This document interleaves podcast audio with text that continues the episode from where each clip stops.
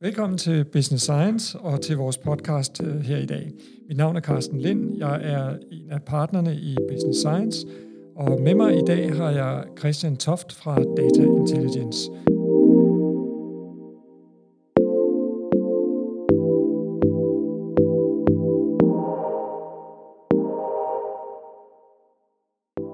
Jeg kommer til at skulle snakke om marketing og brand, og hvad, hvad coronakrisen har betydet for øh, forskellige typer af virksomheder. Øhm, og Christian Toft, kunne du lige måske bare lige introducere dig selv? Ja, lige præcis.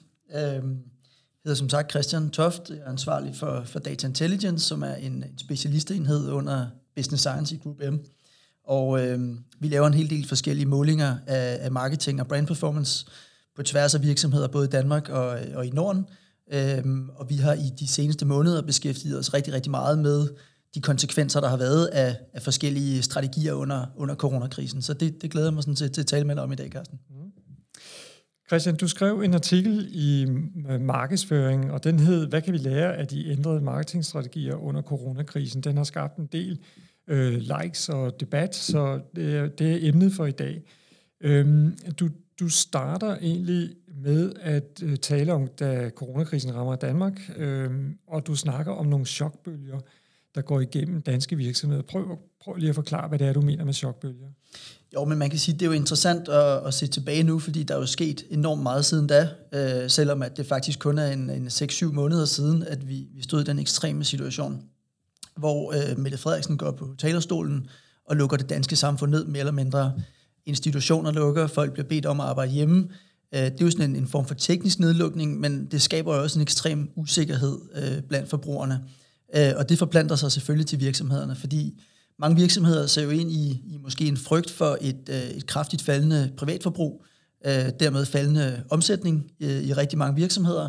Og det er klart, at øh, så er der rigtig mange virksomheder, der også har skulle tænke på at, og, øh, at gennemføre nogle, øh, nogle omkostningsbesparelser. Øh, og det er jo her, hvor det bliver super interessant i et marketingperspektiv, fordi at øh, nogle af de omkostninger har, er der så en del virksomheder, der, der på meget få dage faktisk besluttede skulle ske inden for marketingområdet. Du øh, nævner, at det, der også er interessant, det er, at øh, man kan sige, når man ændrer i sine marketinginvesteringer, måske over en kortere periode, så er det ret interessant at følge. Hvad, hvad, er, det, du, hvad er det, du kan observere, eller hvad er, det, hvad er det for nogle tendenser, du har kigget på? Ja, vi har kigget på, øh, på en lang række forskellige ting. Det, øh, det, det er jo det, som vi, vi kommer ind på her i løbet af, af den her øh, snak, vi to har. Øhm, og, og det, der er interessant i situationen fra et analysemæssigt perspektiv, kan man sige, vi beskæftiger os jo rigtig meget med at måle netop på effekter af, af marketingtryk. Men det, der er ekstremt ved situationen her, det er jo, at, at nogle virksomheder nærmest valgte at cutte deres marketing fuldstændigt. Øh, og det er jo ikke noget, vi ser normalt. Altså tag store annoncører, som måske bruger op imod øh, 100 millioner kroner om året på, på marketingtryk. Der var faktisk flere af dem, som valgte at måske ikke fjerne det helt, men at reducere det meget kraftigt øh, over natten. Øh, og det er det, som man kan sige fra et analysemæssigt perspektiv er, er super interessant, fordi det er sjældent, at man ser så ekstreme ændringer i, øh, i virksomhedernes marketingtryk. Det andet, der er interessant ved situationen, det er, at øh, der har været forskellige mønstre på tværs af forskellige industrier, øh, på den måde, at inden for en industri, er der måske nogle brands, der har valgt en strategi, måske at fastholde deres marketingtryk i en vis grad, mens der er andre brands, andre virksomheder, som har valgt øh, måske at reducere kraftigt. Altså alene på grund af forskellige interne strategiske beslutninger i den her helt specielle situation. Når vi taler lidt om, om, om, om metoder til ligesom at følge os og se på effekten, kan du sådan afsløre om, hvad, hvad er det egentlig for nogle metoder, du benytter, eller I, I benytter? Jamen, vi kommer bredt omkring, øhm, og man kan sige, man kan måle øh, marketing-effekter og, og marketing-performance øh, fra mange forskellige vinkler. Øh, en helt klassisk vinkel er jo at måle på, øh, på noget brand performance, øh, hvilket man typisk måler på øh, generel reklamesynlighed, altså reklamerendring. Øh, man kan måle på virksomhedernes øh, generelle brand-kendskab. Man kan måle på mere low funnel parametre, som for eksempel præference, købsintention, overvejelse osv. Det er jo sådan nogle meget klassiske brandparametre, som man typisk måler igennem øh, noget øh, interviewbaseret data.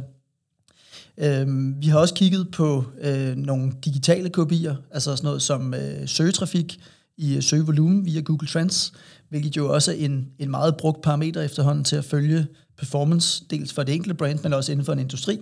Og så har vi selvfølgelig kigget rigtig meget på de faktiske salgseffekter, altså hvor vi har brugt øh, sådan noget som salgsmodellering til at kigge på det. Hvis vi lige starter der ved øh, reklamesynligheden. Øh, den sammenhæng, du finder mellem share of voice i markedet og reklames, øh, reklamesynlighed, hvordan, hvordan, hvad, hvad, hvad, hvad fandt du der? Jamen, det vi egentlig øh, gik ind og, og kiggede på, det var nok lidt øh, baseret på de diskussioner, der var lige da coronakrisen satte ind, hvor der var vildt mange diskussioner omkring, hvordan det her nu ændrede hele situationen for, for de danske marketeer, som jeg så må sige.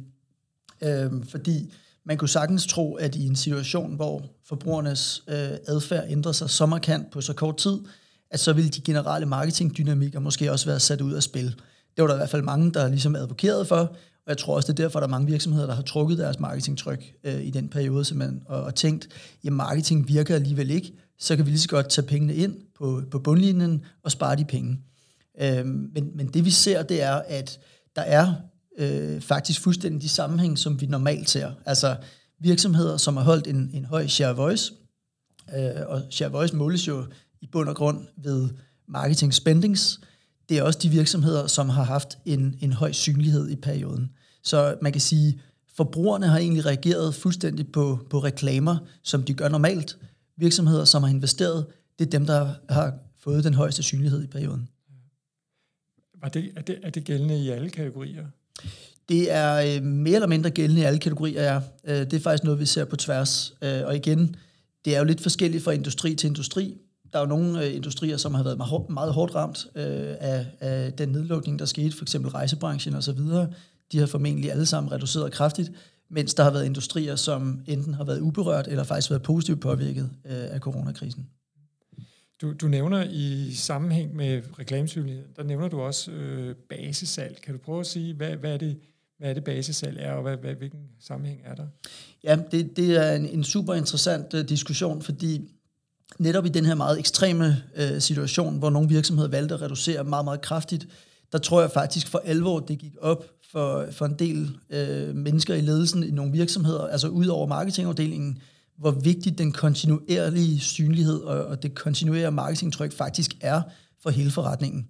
Altså det, vi har set eksempler på, det er for eksempel store annoncører, som måske er reduceret med over 50 procent i deres marketingtryk. Det kan vi tydeligt afløse i, i deres synlighed, altså målt via øh, reklamerendring, som måske falder med 30-40 procent. Det man så ser efterfølgende, det er, at deres basesalg faktisk også falder. Øhm, deres basesalg falder jo ikke nødvendigvis lige så meget som synligheden, fordi de har jo opbygget formentlig stærk brand med en stærk distribution, og de har mange loyale kunder. Men at en virksomhed oplever et fald i basesalget på, lad os bare sige 5%, det er jo meget voldsomt i forhold til at skulle nå i mål øh, på, på årets salgsbudget. Så vi ser helt klare sammenhæng imellem, øh, at virksomheder, som egentlig generelt over de sidste mange år har fastholdt en, en ret kontinuerlig synlighed, lige pludselig skærer væk, og det rammer dem altså på, på basesalget. Man kan jo sige, når, når man som, som virksomhed gerne vil, øh, vil, skære i sine øh, marketinginvesteringer, så kan man gøre det på mange måder. Øh, jeg ved, du har også kigget på, hvad, hvad betydningen af at skære på let, de store kanaler, altså broadcast-kanalerne, tv osv. Hvad, hvad, hvad fandt du ud af der? Jamen, det, vi, det vi typisk ser, det er, at øh, de reaktioner, der var øh, i, i dagene lige efter, at coronakrisen startede, hvis virksomheder gerne ville ind og skære i deres marketingbudgetter, det var måske, at de tænkte, at de var, det var bedre at holde fast i nogle af, af de mere øh, digitalt øh, fokuserede kanaler, fordi man tænkte, at forbrugernes adfærd var der.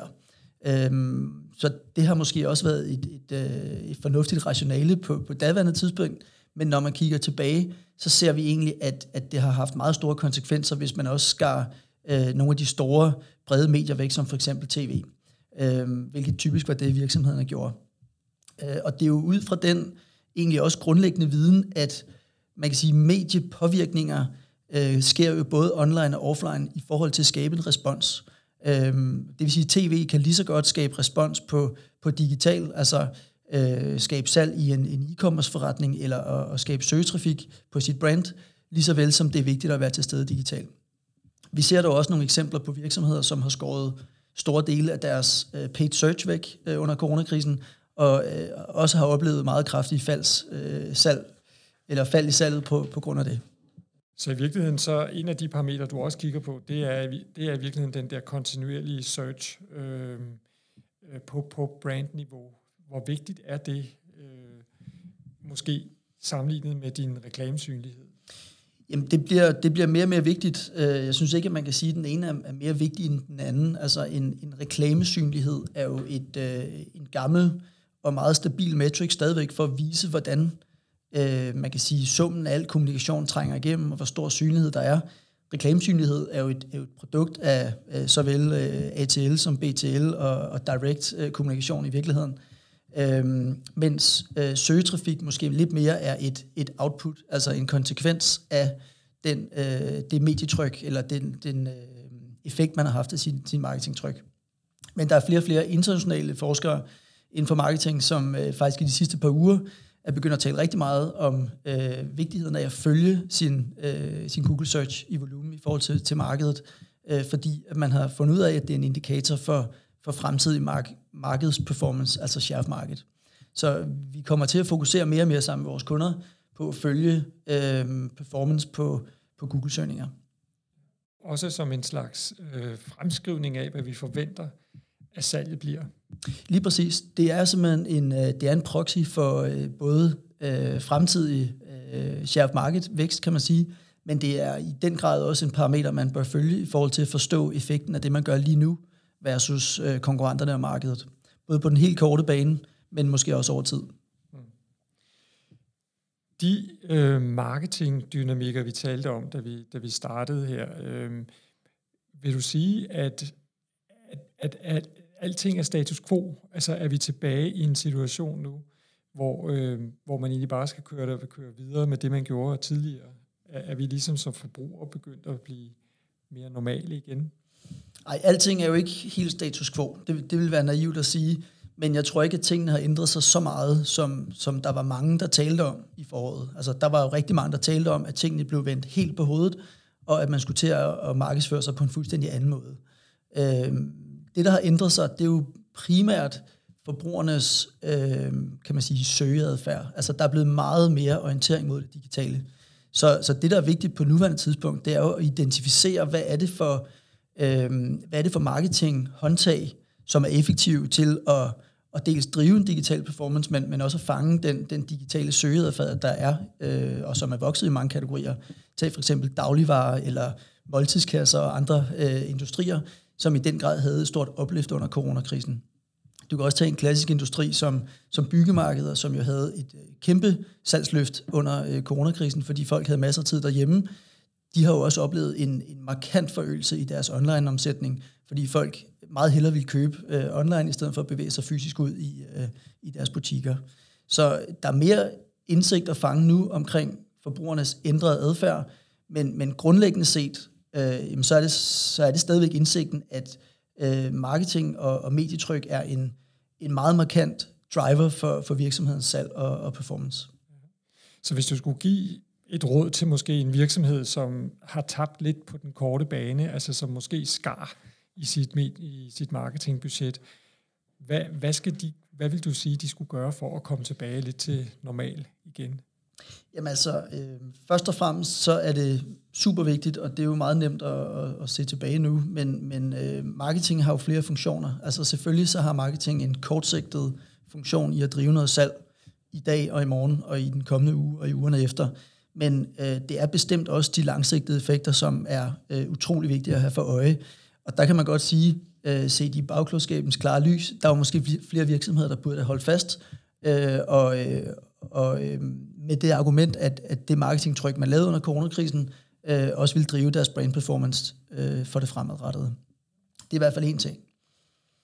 Øh, derudover kan man sige, det understreger jo, og sådan en krise understreger, at øh, det er vildt vigtigt at have et godt måleapparat på plads, fordi øh, der skulle træffes nogle beslutninger på meget, meget kort tid omkring marketingstrategien.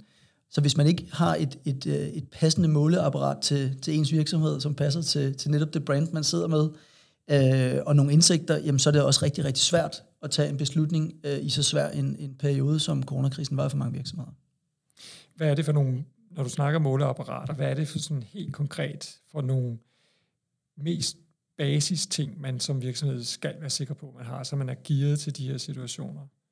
Jamen altså, jeg mener jo grundlæggende set, at alle virksomheder bør i en eller anden grad følge deres brain performance. Øh, det er jo en, en ret traditionel metode, kan man sige, men, men det er en super, super stærk metode, både til at følge ens eget brand, men også til at følge konkurrenterne af markedet. Altså det kan være i forbindelse med, at der er nye konkurrenter, der kommer til. Øh, det kan være i forbindelse med store ændringer i, i, øh, i ens egen virksomheds marketingtryk, at man kan lære ud fra den performance, man har nu, og den performance, man ser i historikken. Så jeg vil sige, sådan en, en grundlæggende øh, måling af, af brain performance, den synes jeg er helt essentiel.